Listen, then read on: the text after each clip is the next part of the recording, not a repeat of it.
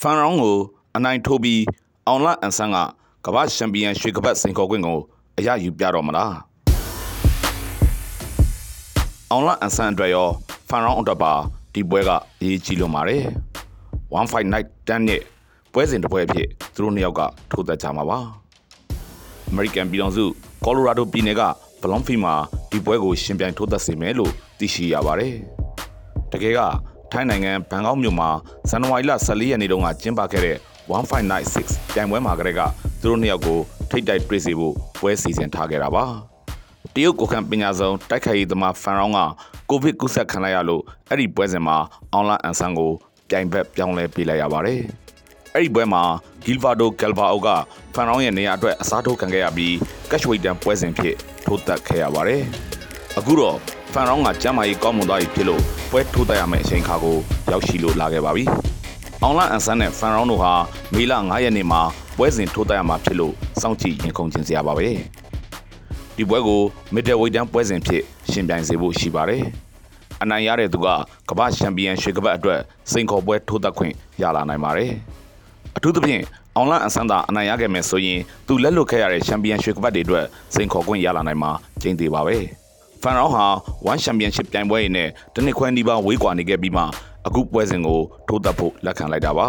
2021ခုနှစ်ဒီဇင်ဘာလ18ရက်နေ့ကဗိုက်တာလီဘစ်ဒက်ရှ်ကိုအရေးနှိမ်ခဲ့ရတဲ့ပွဲစဉ်အပြီးမှာတရုတ်ကိုခံပညာဆုံးတိုက်ခိုက်ရေးသမားဖန်ရောင်းကစိန်ခေါ်ပွဲတွေမထိုးသက်တော့ဘဲ1ချန်ပီယံရှစ်နဲ့အလန်းဝေးကွာနေခဲ့တာဖြစ်ပါတယ်ကင်းကောင်စစ်တရဲလို့ရှစ်စနိုးခေါ်ခံရတဲ့ဖန်ရောင်းဟာကြန့်ခိုင်မှုအသားပေးတဲ့ကိုခံပညာဆုံးတိုက်ခိုက်ရေးသမားပါ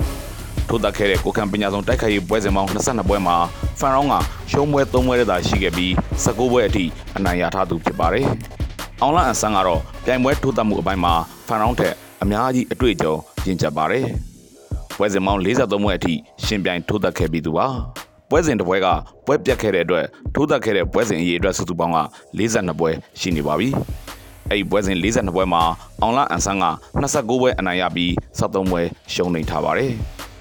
ဒီပွဲစဉ်ဟာလက်ရှိ2023ခုနှစ်ထဲမှာအောင်လအန်ဆန်အနေနဲ့ဒုတိယမြောက်ရှင်ပြိုင်ထိုးသတ်မဲ့ပွဲစဉ်ပါပဲ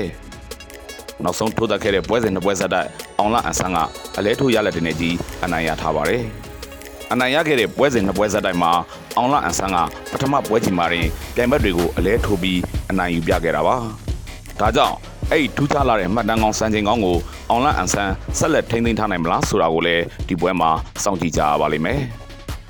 အောင်လအန်ဆန်အတွက်ဖန်ရောင်းဟာခက်ခဲတဲ့ပြိုင်ဘက်ဖြစ်လာနိုင်ပါတယ်။ကြန့်ခိုင်မှုအားကောင်းပြီးတက်လုံးတက်ကွက်ကောင်းမွန်တဲ့ဖန်ရောင်းကိုရှေ့ရပွဲစဉ်တွေတုန်းကလိုပထမပွဲချိန်မှာရင်ပွဲဖြတ်နိုင်မှုကအောင်လအန်ဆန်မလွယ်တော့ပါဘူး။ဒါပေမဲ့ဖန်ရောင်းနောက်ဆုံးရှုံးနေခဲ့တဲ့ပွဲစဉ်နှစ်ပွဲကိုလေ့လာကြည့်လိုက်ရင်ရှုပ်ကွက်တွေကြောင့်ရှုံးနေခဲ့ရတယ်ဆိုတာကိုမြင်တွေ့ရပါလိမ့်မယ်။မြမစပုံအောင်လအန်ဆန်ကရှုပ်ကွက်အားသာတဲ့ကစားသမားပါ။မြမစပုံအောင်လအန်ဆန်ဟာ တရုတ်ကင်းကောင်စစ်သေးရဲ့ဖန်ရောင်းကိုအနိုင်ယူပြီးရှေ့လာမယ့်ပွဲစဉ်မှာကမ္ဘာချန်ပီယံရွှေကပတ်စင်ကောကွင်းကိုအရယူသွားနိုင်လိမ့်မလားဆိုတာစောင့်ကြည့်ရတော့မှာပဲဖြစ်ပါတော့တယ်ခင်ဗျာ။